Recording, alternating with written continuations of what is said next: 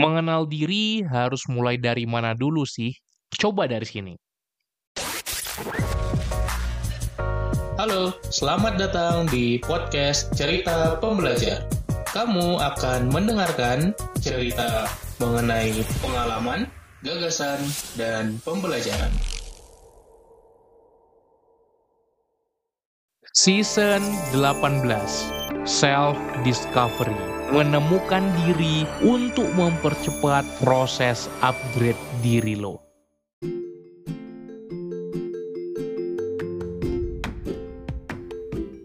Hai hai hai, balik lagi bareng gua Umar di podcast cerita pembelajar season 18 Self Discovery. Di season ini kita bakal bahas tentang bagaimana kita mengenali, memahami, dan menemukan diri kita. Kita mulai dari mana? Sebetulnya kalau kita cari di internet yang paling populer terkait mengenal diri adalah mengenal kepribadian kita. Makanya populer sekali website 16 Personalities yang memberikan kita kesempatan untuk mengenali diri kita lewat tes kepribadian atau tes MBTI.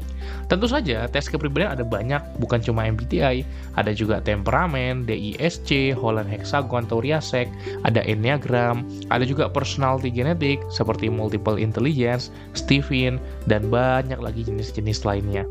Kita bisa ngelakuin tes yang mana saja. Ya mana pun memang boleh gitu karena fungsinya adalah untuk mengenal diri. Asalkan jangan kita fanatik ke satu tes saja dan menolak tes lainnya. Coba saja kita lakukan tesnya. Ada beberapa tes yang relatif lebih bagus hasilnya ada yang lebih akurat. Semua tes punya kelebihan dan kekurangannya masing-masing. Karena setiap tes dipetakan dengan berbagai tipe dan didasari oleh teori tertentu teori psikologi tentunya istilah tes-tesan gini biasanya disebut dengan psikometri Nah, fungsinya apa? Untuk kita bisa tahu apa yang buat kita unik dan berbeda. Setiap manusia itu unik. Dan banyak orang yang mengatakan teori kepribadian hanya mengotak-ngotakan orang. Ya, di satu sisi benar memang begitu, tapi ya nggak gitu banget juga. Karena sejatinya ini hanya sebagai guideline nggak kita ambil 100% kan, nggak kita terima mentah-mentah. Nah ini juga salah satu kesalahan orang saat ngelakuin tes kepribadian. Terima mentah-mentah aja apa yang kita udah dapatkan dari hasil tesnya. Jangan harus difilter mana yang cocok atau enggak buat kita. Nah, saran gue untuk kita mengenal kepribadian diri kita, cari yang simple aja dulu. Makanya gue paling rekomendasikan terkait DISC atau temperamen. Sementara MBTI kita akan bahas di beberapa episode berikutnya. Karena kayaknya itu asik kalau kita bahas tiap sumbu ya. I sama E bedanya apa, S sama N bedanya apa. Jadi beberapa episode selanjutnya kita akan kulik lagi terkait MBTI. Tapi di episode ini gue pingin bahas terkait temperamen saja. Jadi ini adalah satu teori, tipe, dan tes kepribadian yang sudah sangat lama dan populer. Temperamen itu nanti ada empat, ada koleris, sanguinis, plekmatis, dan melankolis. Kalau lo tertarik untuk tes temperamen, gue bisa kasih lo gratis. Caranya simple, lo tinggal DM gue aja temperamen, bilang tahu dari episode 502 nanti gua kasih linknya Oke, jadi caranya seperti itu ya, karena sebetulnya ini nggak kita buka untuk umum, tapi buat lo yang dengerin episode ini khusus gua kasih gratis deh untuk akses tes temperamen. Nanti kita bisa mengenali diri kita. Apakah lo seorang sanguinis? Uh, mungkin lo bisa sambil menebak ya lo termasuk yang mana. Oke, gue sambil jelasin. Apakah lo yang pertama seorang sanguinis? Yaitu tipe orang yang seneng bersama orang lain, suka pesta, suka kumpul, suka berbicara, suka ngomong. Kalau nggak ada dia nggak seru, kalau nggak ada dia nggak asik, kalau nggak ada lo berarti perkumpulan tuh ya sepi aja kayak kuburan. Tapi kalau ada lo jadi ramah, jadi seru, jadi meriah, jadi menyenangkan. Lo adalah orang yang disenangi orang lain dan punya banyak teman. Tapi sering sekali menyepelekan untuk tugas, menyepelekan pekerjaan, e, ngaret, eh, nggak e, benar-benar menyelesaikan tugas tepat waktu, tidak terstruktur, nggak rapi, berantakan, dan ceroboh. Atau lo adalah seorang koleris, orang yang senang oh, jadi pemimpin, senang take action, langsung ngelakuin, bisa menyemangati orang lain berapi-api. Orangnya punya visi, punya target, tahu jelas ke depan harus apa yang dilakukan. Dan orang ini biasanya punya banyak pengikut.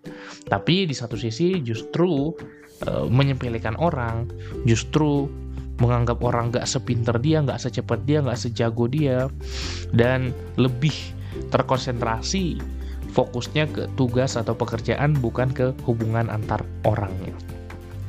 Atau lo adalah seorang melankolis, si tenang, damai, kalem, terstruktur, kreatif, dan punya standar tinggi. Tipe yang benar-benar bisa melakukan sesuatu itu dengan sangat presisi. Kualitas kerjanya bagus sekali. Makanya sering jadi teladan ya secara hasil kualitas kerja.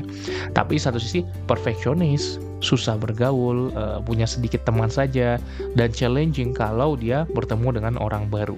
Karena dia adalah tolak bertolak belakangnya dari sanguinis yang ekstrovert banget kalau melankolis justru introvert banget.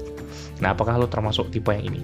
Atau tipe terakhir tipe keempat yang relatif introvert ekstrovert sorry introvert juga yaitu plekmatis. Si cinta damai yang nggak pingin rusuh nggak pingin berantem ya udah gua ngalah aja deh kalau sanguinis tadi senang berbicara, plekmatis ini senang mendengarkan. Jadi dia bisa jadi pendengar yang baik. Orang yang menghindari konflik, yang biasanya uh, feeling banget juga, tapi biasanya kesulitan untuk merancang ide, merancang visi, target, goals, susah untuk take action, menunda-nunda karena biasanya hidupnya ngeflow gitu-gitu aja gitu ya, ya udah ngikutin aliran gitu. Makanya dia butuh seorang koleris untuk membantunya biasanya. Jadi ada empat temperamen tadi, ada sanguinis, ada koleris, melankolis, dan plekmatis. Kira-kira lo termasuk yang mana? Oke? Okay?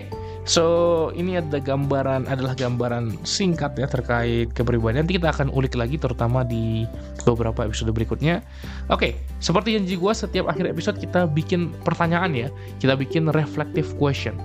Nah pertanyaan untuk episode ini untuk lo tanyakan, untuk lo refleksikan, untuk lo pikirkan adalah kira-kira apa yang membuat lo unik dan berbeda?